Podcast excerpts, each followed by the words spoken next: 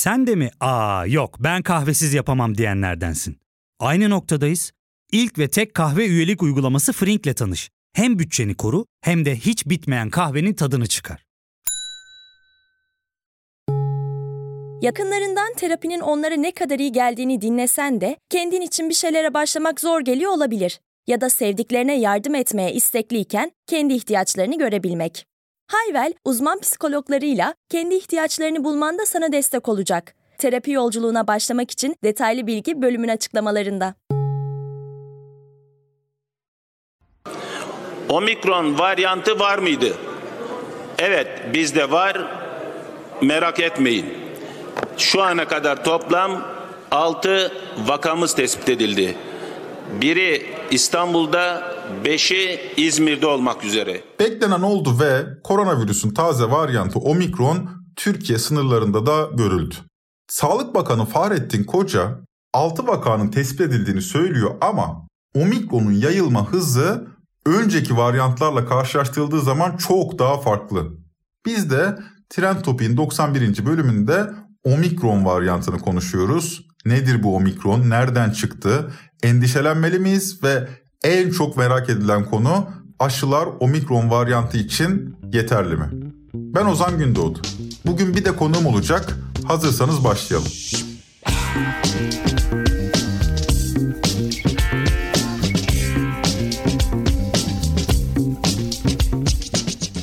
Sağlık Bakanı Koca, Türkiye'de omikron vakası tespit edildiğini 11 Aralık günü açıkladı. Ama omikron adı verilen bu koronavirüs varyantı ilk olarak 23 Kasım'da Güney Afrika'da tespit edilmişti. 23 Kasım'dan 11 Aralık'a kadar geçen süre içinde hızlıca dünyaya yayılmaya başladı ve 11 Aralık'ta Türkiye'de geldi. O güne dek görülenden çok daha hızlı bir ivmeyle vakalar artıyordu. Zaten bu varyantı özel kılan, tedirgin eden de bu aşırı agresif hali. Vakalar o kadar hızlı artıyordu ki birkaç gün içinde delta varyantının yani önceki koronavirüs varyantının yayılma hızına yetişiverdi. Yeni varyant bir hafta içinde Güney Afrika'da baskın hale geliverdi. Yani karşımızda şu ana dek en hızlı yayılan varyant var ve Türkiye'de tespit edilen 6 vaka çok daha fazlasının tespit edilebileceğinin de bir habercisi gibi. O halde varyantı biraz tanıyalım. Adı biraz ilginç. Omikron. Dünya Sağlık Örgütü tespit edilen varyantları isimlendirirken e, biliyorsunuz Yunan alfabesini takip ediyor. Daha önce de benzer isimlendirilmeler yapılmıştı. Mesela alfa varyantı, beta varyantı, delta varyantı gibi. Omikron da Yunan alfabesindeki harflerden biri. Ancak tek fark diğer varyantlarla arasındaki tek fark isimlendirilirken kullanılan harfle ilgili değil. Omikron varyantı bugüne kadar gördüğümüz en fazla mutasyona sahip e, koronavirüs varyantı. You have it right and uh, it is uh, very much similar to what uh, Duyduğunuz bu konuşma Pfizer CEO'su Albert Burla'nın Today kanalına verdiği röportajdan. Kötü haber şu, Pfizer aşısının etkinliği yeni varyant karşısında %25'e kadar gerilemiş durumda. İyi haber ise 3. doz ile Omikron'a karşı direnç tekrar arttırılabiliyor. Yayılma hızı çok yüksek olan ve aşıların etkisinin henüz belirgin olmadığı bu varyantın Türkiye'de görülmesi üzerine e, Gazi Üniversitesi'nden Profesör Doktor Esin Şenol'la bir söyleşi gerçekleştirdik. Ya fark ettin mi? Biz en çok kahveye para harcıyoruz. Yok abi, bundan sonra günde bir. Aa sen Frink kullanmıyor musun? Nasıl yani? Yani kahvenden kısmına gerek yok. Frink'e üye olursan aylık sadece 1200 TL'ye istediğin çeşit kahveyi istediğin kadar içebilirsin. Günlük 40 TL'ye sınırsız kahve mi yani? Çok iyiymiş. Aynen. Hatta şu anda 200 TL'lik bir indirim kodu da var. E hadi hemen indirip üye ol da bu fırsatı kaçırma. Terapiye başlamak, içinden çıkamadığın döngüleri kırmak, bazı yanlış bulduğun kararlarını değiştirmek ve kendinle beraber daha huzurlu bir yaşam inşa etmek için atabileceğin en değerli adımlardan biri. Hayvel ile yoğun yaşam tempona uyum sağlayarak online terapi seanslarını takvimine göre ayarlayabilirsin. Bini aşkın uzmandan sana en uygun terapisti seçebilir, podb10 koduyla indirimden yararlanabilirsin. Detaylı bilgi açıklamalardaki bağlantıda. Hocam ilk etapta omikron varyantıyla başlayalım. Omikron varyantının ilk vakaları e, Sağlık Bakanı Fahrettin Koca'nın duyurduğu kadarıyla Türkiye'de de görülmeye başladı. endişe etmeli miyiz? Nedir omikron? Çünkü bu zamana kadar çeşitli varyantlar duymuştuk ama pek kulak asmamıştık. Oluyordu böyle şeyler. Hatta aşılar koruyucuydu ama omikron da öyle değil anladığımız kadarıyla. Biraz daha tedirgin ediyor bizi. İlk yorumunuz nedir sizin? Bizim tedirginlik seviyemiz ne olmalı? Korkmalı mıyız? Ben Esin Şenol, öncelikle Gazi Üniversitesi Tıp Fakültesi Enfeksiyon Hastalıkları uzmanıyım. Şöyle söyleyeyim, bütün dünya gibi biz de endişelenmeliyiz. Zaten endişe edici varyant adı da bu yüzden konuldu. Endişe edilsin, izlensin ve yeni bir dalgaya yol açma potansiyeli çok yüksek diye konuldu. Öyle olduğunu da görüyoruz zaten, izliyoruz. Şeye benziyor bu, hani biz nasıl 2020'nin ilk Ocak ayında Wuhan suşunun karşımıza çıktığını sandık ama sonradan iki ay öncesi var en azından sessiz faza atlamışız dediysek bu kez radarımız var. Radarımıza takılan varyantları incelemeye alıp değişimlerine göre ve halk sağlığı üzerinde yarattıkları etkiye göre yani dalgayı yükseltip yükseltmediklerine bu eğilime göre endişe verici varyant olarak isimlendiriliyor. Bu endişe verici varyant olan beşinci varyantımız. Daha önce alfa, beta, delta ve gamma oldu. Beta Güney Afrika'da, gamma ise Brezilya'da büyük dalga yaptı, büyük katastrofi yarattı ama dünyaya yayılmadı. Ama bu dünyaya zaten yayılmış. Artık şöyle, bulaşıcılığında artış olduğunu biliyoruz. Aşıdan ve doğal infeksiyondan kaçış olduğunu biliyoruz. Aralık ortası gibi pek çok ülkede büyük bir dalgaya yol açmakta olduğunu iyice belirgin hale getireceğini görüyoruz.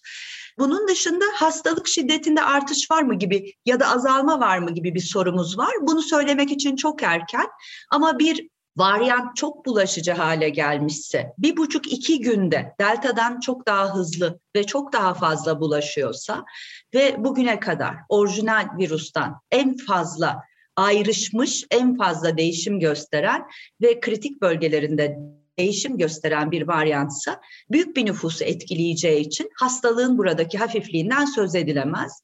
Duyarlı ve kırılgan nüfusları hem ağır hastalandırır hem de öldürür çünkü. Hocam bu kadar varyant niye yürüyor? Yani insanlarda şöyle bir ümitsizlik var. Sürekli varyant yürüyecekse biz öldük diyor herkes yani. Bitmeyecek mi bu varyant? o zaman Bu sorunuza cevap öldük diye düşünmeye devam etmenin ölümü kolaylaştırmaktan başka bir faydası yok. İnsan türü bugüne kadar başına gelen felaketleri gerçeği kabul edip doğru verileri ortaya koyup o günün koşulları her neyse yüzyıllar boyunca o şekilde baş etmiştir ve pek çok felaketten de çıkmayı başarmıştır. Şimdi İroni olan şu felaket e, senaryosuyla mucize arasında gidip geliyoruz. Yani ya felaket var ya bir gün öyle bir mucize olacak ki bir varyant hayatımıza yumuşacık bir giriş yapacak ve biz bir sabah güzel bir güne uyanacağız. Böyle bir şey mümkün değil. Bunu yanlış algı yönetimine bağlıyorum ben. Çünkü insanları oyalamaya çalışan yönetimler ve yöneticiler var. Niye oyalamaya çalışıyorlar? Katastrofiyle yüzleştirdikleri zaman var olan yönetimsel süreçlerle ilgili erk ve otoriteyi kaybedeceklerinden korkuyorlar. Onların korkularıyla koordine ettikleri topluluklarda inkar ve histeri arasında gidip gidip geliyor. Şimdi gerçekçi olan şu, biz delta'dan itibaren, niye delta'dan itibaren? Delta'dan önce iki tane varyant olmuştu. Orijinal Wuhan suşu ve alfa adlı. Delta'dan itibaren çünkü biz aşılamaya başlamamıza rağmen delta gelişti çevreye uyumu ve hava yolunu kullanması çok ama çok başarılı bir virüstü. Neredeyse şöyle dedik hava yolunu bugüne kadar kullanan en başarılı solunum yolu virüslerinden biri. Bu ne demek? Ben hangi ortama girdiğimde temiz hava paylaşmıyorsam başım dertte demek. Ve aşılanmış olmama rağmen başım bir miktar dertte ise bu, bu virüsün artık hayatımızda kalıcı olacağını ve jenerasyonlar yani virüsün kendi jenerasyonlarını seri bir şekilde üreteceğini gösterir. Bilim de bunu söyler. Virüsün e, çoğalması sırasındaki bulaşma etkisi bunu yaratıyor. Ve bu rastgelelik içindeki ritmi de biz öngörüyoruz. Burada virüsün bir kastı, bir amacı, bir planı filan yok. Sadece rastgele. Bulaştıkça bulaştığı insanların bir bölümü de virüsü fazlasıyla yaydıkça ki bunlar arasında bağışıklık sistemi baskılanmış kişiler var. Mesela Güney Afrika'da niye varyantlar çok çıkıyor? Üç sebebi var. Birisi aşılanmaları düşük. İkincisi her koşulda ağır bir şekilde dip dibe ağız ağıza çalıştırılıyorlar Güney Afrika'da insanlar. Yani bulaşma zinciri çok yoğun. Düşük aşılılar. Üçüncüsü orada HIV infekte dediğimiz AIDS'i popülasyon çok fazla. Bu ne demek? Virüsü haftalar ve aylarca yayıyor demek.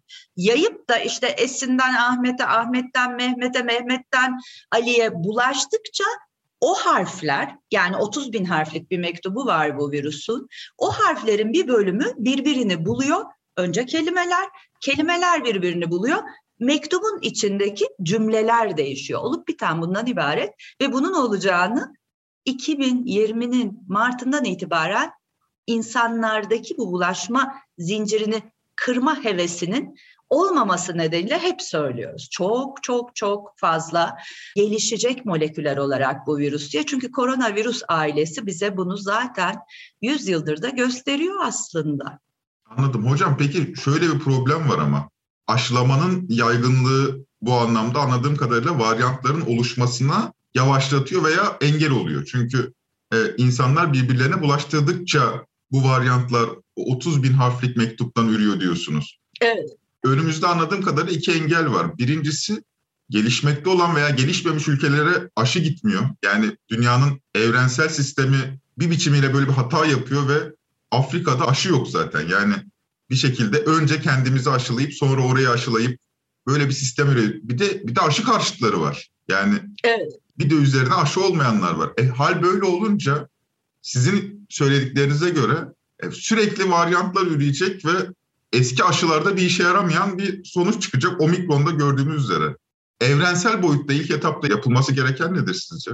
Bir, e, dünyada aşı paylaşımı ki şimdi omikron varyantı nedeniyle üçüncü dozların hızlandırıldığı İngiltere neredeyse itfaiyesini, askeri gücünü falan kullanarak hızlı bir aşılamayı yapıyor. Çünkü üç doza ihtiyacımız var kuvvette ve aslında korktuğumuz şey bir omikronun dalgası, iki omikronun geçirdiği kritik değişimlere küçük iki değişim daha eklenirse başa dönmek. Bunu söyleyeyim. Bu nedenle bunu yapıyor. Ama yaparken söylediğiniz gibi koordine ve dağılımın iyi olduğu. Yani biz şunu söyleyeyim.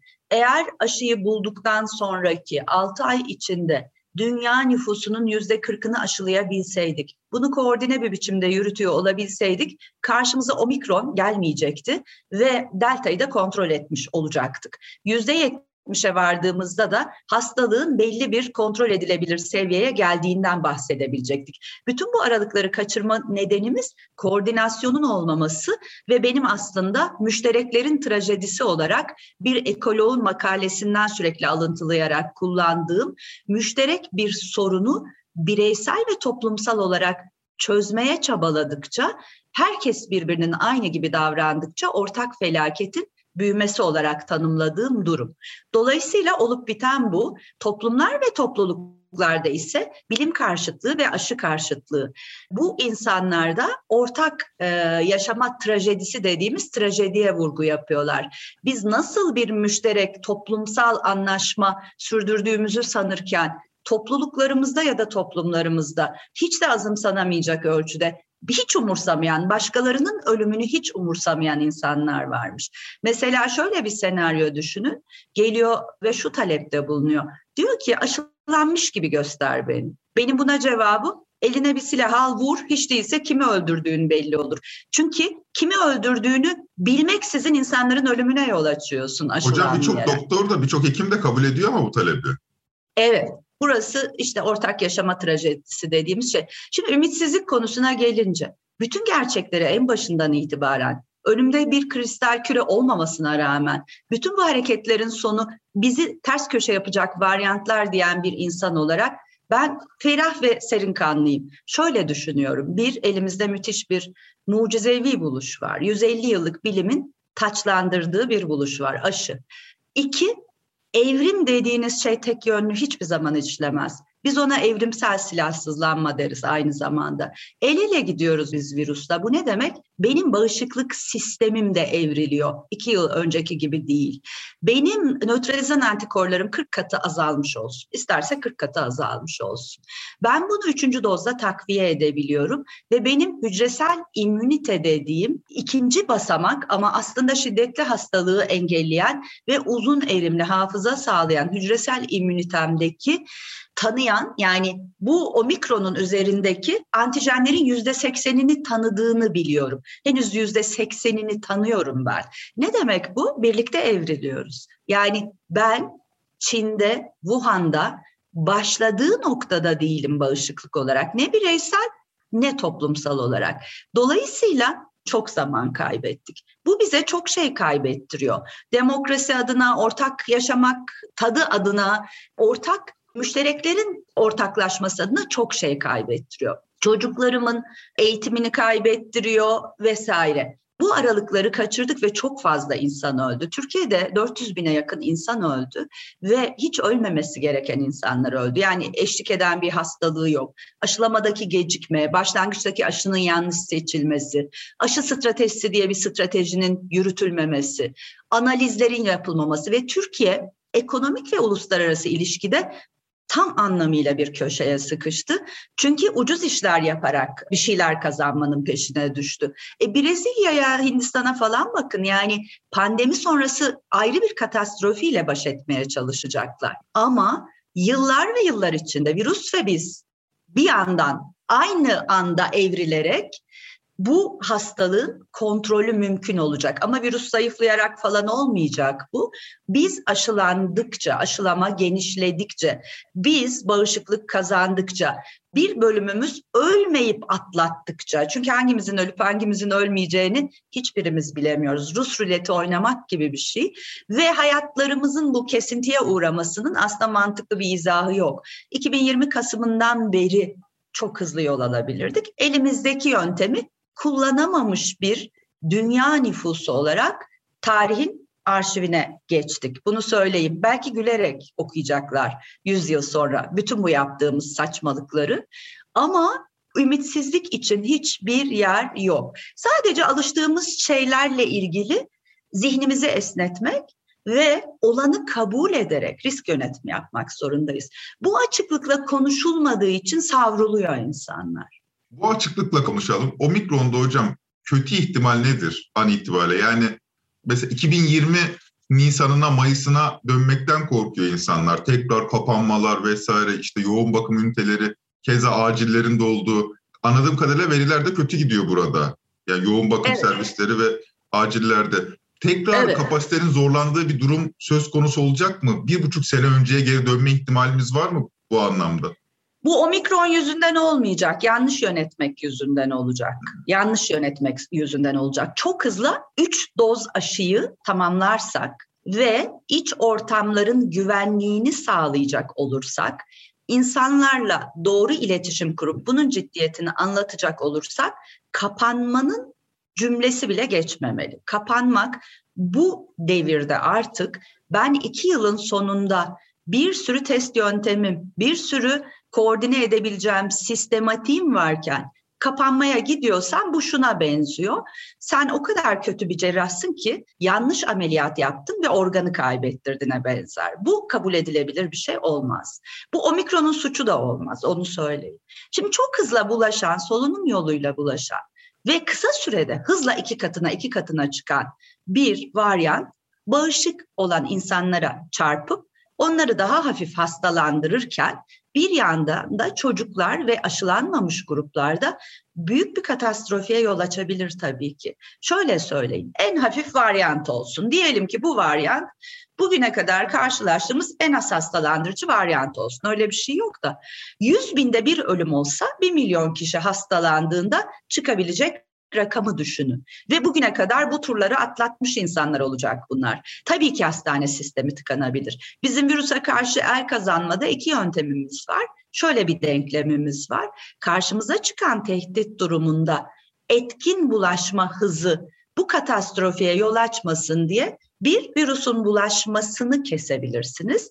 Kesmenin yolu makul kısıtlamalar ya da testleme ile insanları ayıklayarak insanların bulaştırmasının önüne geçmek. İki, bulaşmayı kesmek çarpı bağışık insan sayısı eşittir bir altında olacak. Bağışık insan sayısını artırmak. Bunlardan hangisini yaparak birin altına indirmeye çalışıyoruz? Ve başka ülkelerin yaptıklarına bakınız. Dolayısıyla yanlış gidiyor işler. Başa dönersek eğer bu salgının yönetimsel sorunu olur. An itibariyle gözleminiz ne hocam? Yoğun bakım ve acillerde an itibariyle bir artış olduğunu söylediniz geçenlerde sosyal medyada. O tedirgin edici boyutta mı sizce? Onun bir devam sorusu var ama tabii 15 Aralık greviyle. Tabii. Öncelikle ben şunu söyleyeyim, delta ile daha baş edemedik biz ve dünya nüfusunun delta e, dalgası içinde olan ve kalan bölümü, buna İngiltere vesaire de dahil, İngiltere, Almanya'da dahil. Onlar da ikili dolaşım olacağı öngörüsü var. Yani hem omikron başlayacak bir yandan bir yandan delta olacak gibi bir öngörü var. Ve İngiltere'nin projeksiyonu Aralık ortası gibi 100 bin vaka yani 100 bin omikron vakasının olacağını bu hızla giderse öngörüyor. Ben bizdeki rakamlardan bir projeksiyon yapamıyorum. Biz de delta ile baş ediyoruz ama dün acil serviste oksijen tedavisiyle takip ederek yoğun bakıma aktarmayı başaramadığımız genç erişkin ve aşısız bir nüfus vardı. Bu hafta tırmanan bir vaka trafiği görüyoruz. Delta'nın etkisi ya da delta artı omikronun etkisi. Evet işler sıkışma aşamasına bana sorarsanız geliyor. Hocam ben şey olarak yani bir gazeteci olarak birçok veriye erişemiyorum.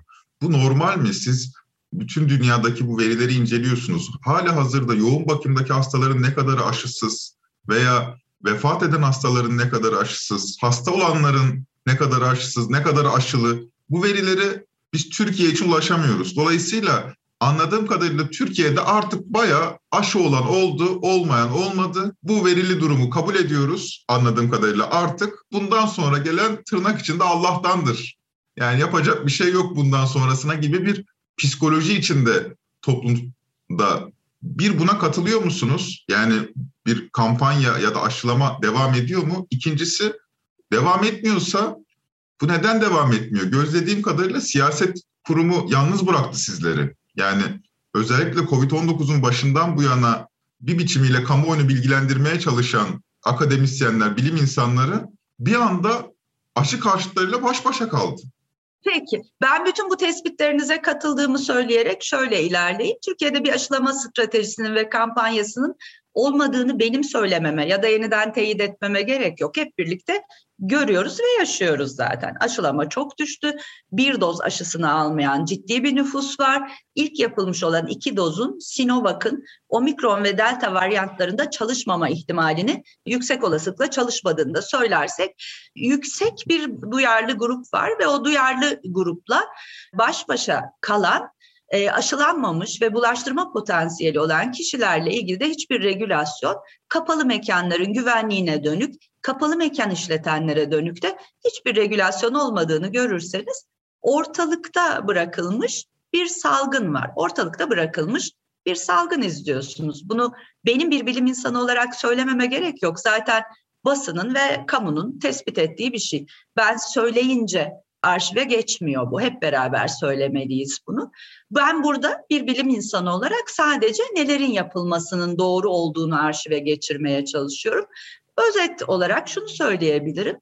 Hastanede hasta bakmaya ittiren bizi bir sistem var. Siz işiniz tek işiniz var. Başınızdan hasta yağdıkça hasta alacaksınız diyen bir sistem var. Hem başımıza hasta yağıyor sıklıkla buna maruz kalıyoruz. Hem iş e, hastalığı olan bir hastalıkla maddi ve manevi güvencesiz olarak baş başa kalıyoruz. Burada bizim etik ahlaki sorumluluklarımız dışında bizi sistemde tutan hiçbir şey yok. E, çünkü çok cüzi ücretlerle çalıştırıldığımız için sokağa çıkmanın, istifa etmenin bizler için aslında hiçbir riski ve sakıncası yok. Tek mesele burada etik ahlaki hekim olmamızın getirdiği sorumluluktur ve toplumsal sorumluluktur. Bu ülkeye karşı borcumuz ve sorumluluğumuz ve insanlığa karşı borcumuz ve sorumluluğumuz diye düşündüğümüz süreçtir. Ben bir cümleyle şunu söyleyeyim. Bilim ve aşı karşıtlığı kazanmıştır bu ülkede.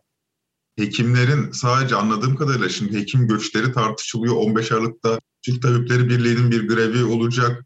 Sadece ekonomik talepler yok anladığım kadarıyla. Siz bir yandan da gün içerisinde bilim karşıtları ve aşı karşıtları da artık baş başa kalmış görünüyorsunuz. Bu hekimleri zorluyor mu genel olarak? Tabii yani sadece şey değil fiziksel tehdit, psikolojik şiddet ve bunlar bir politik gücü olan insanlar ve maaşlı troll ordularıyla sosyal medyayı yöneten insanlar ve sosyal medyayı bir rant alanı olarak kullanan insanlar. Ben ise vizit aralarında koridorlarda bilimsel paylaşım yapabiliyorum sosyal medyadan. Benim gücüm bundan ibaret. Dolayısıyla büyük bir bilgi kirliliğinin olduğu bir okyanusun ortasında ben şişenin içine bir mesaj sıkıştırıp sizlerin okumasını istiyorum onun. Dolayısıyla evet yalnız bırakılıyoruz, evet güçsüz bırakılıyoruz, evet hatta elimiz kolumuz bağlanıyor, evet hatta şuna çok büyük ölçüde içerliyoruz. Yapabileceğimiz şeyler çoktu. Söylediğimiz şeyler bu salgının katastrofisini yatıştırabilecek şeylerdi.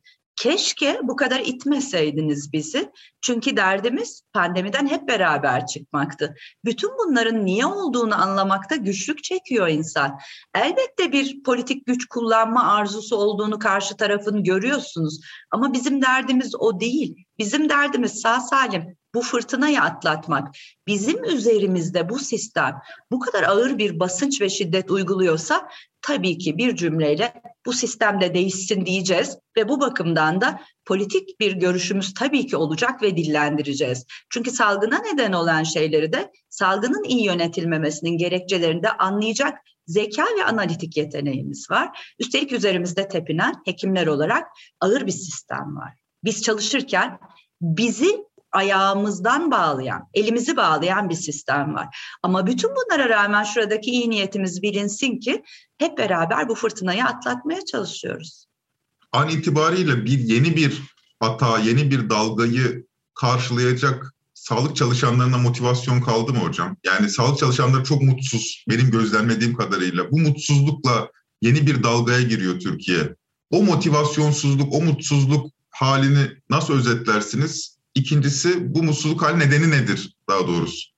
Çok yorgunuz. Fiziksel olarak, maddi olarak, psikolojik olarak çok yorgunuz. Ama sağlık çalışanları özellikle Türkiye'de hekimlik çok arzu edilerek, çok büyük çabayla girilen ve yol boyu yani yeni açılan ve kötü bir e, sistemin içine atılan tıp fakültelerinden bahsetmiyorum ama köklü tıp fakülteleri ve bu ülkedeki köklü sağlık geleneği nedeniyle dayanıklı diyelim, resilient diyelim. Yani bir azmi ve bir yılmazlığı var diyelim. Kolay kolay kırılmayacak ama e, yeni jenerasyonu, hekimlik isteyen jenerasyonu, hekimliği Türkiye'de icra etmek isteyen jenerasyonu kaybederek pandeminin kollateral hasarı olarak göreceğiz bunu. Ben buna kusursuz fırtına diyorum. Sadece şu anda hasar yaratmıyor. Bundan sonrası için de büyük bir hasar yaratıyor. Teşekkür evet. ederim hocam. Eklemek istediğiniz bir şey var mı? Sağ olun. Ee, hiçbir şey e, yani hiçbir şey ne salgından ne de işte sağlıkçıdan ümidinizi kesmeniz için yeterli değil şu anda kesmeyin. Yani sadece burada büyük bir mücadelemiz var hekimler olarak. Bu mücadelede lütfen yanımızda durun. Hep beraber bu fırtınadan çıkmak ve bu ülkedeki bu çok katmanlı ve büyük bir bölümü eşit ve adil sağlık hizmetine erişemeyen ve olmadık hastalıklardan ölecek ya da sakat kalacak insanlar için çabamız. Lütfen yanımızda durunuz. Sağlık herkesin eşit eriştiği bir temel insan hakkıdır ve bizim çabamız da bundan yanadır. Esin Hoca son sözlerinde çok haklı. Sağlık çalışanları gerçekten de psikolojik bir eşikten e, geçiyorlar. Biz de Trend Topik ekibi olarak her birine sabır ve kuvvet diliyoruz. Trend Topik'i Podbi Medya ile beraber hazırlıyoruz. Bir sonraki bölümde görüşmek dileğiyle.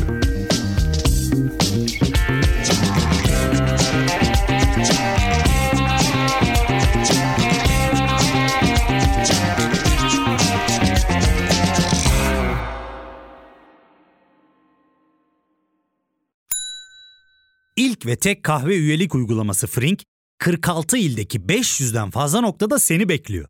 Açıklamadaki kodu girerek sana özel 200 TL'lik indirimden faydalanmayı unutma. Hadi sen de Frink üyeliğini başlat, kahven hiç bitmesin. Hem bugününe hem yarınına katacaklarıyla terapi yolculuğuna ve daha iyi hissetmeye bugün Hayvel ile başla. Açıklamadaki linkten Hayvel'i indir, ücretsiz tanışma görüşmelerinin ardından bütçene uygun seans paketini seç ve terapi yolculuğuna başla.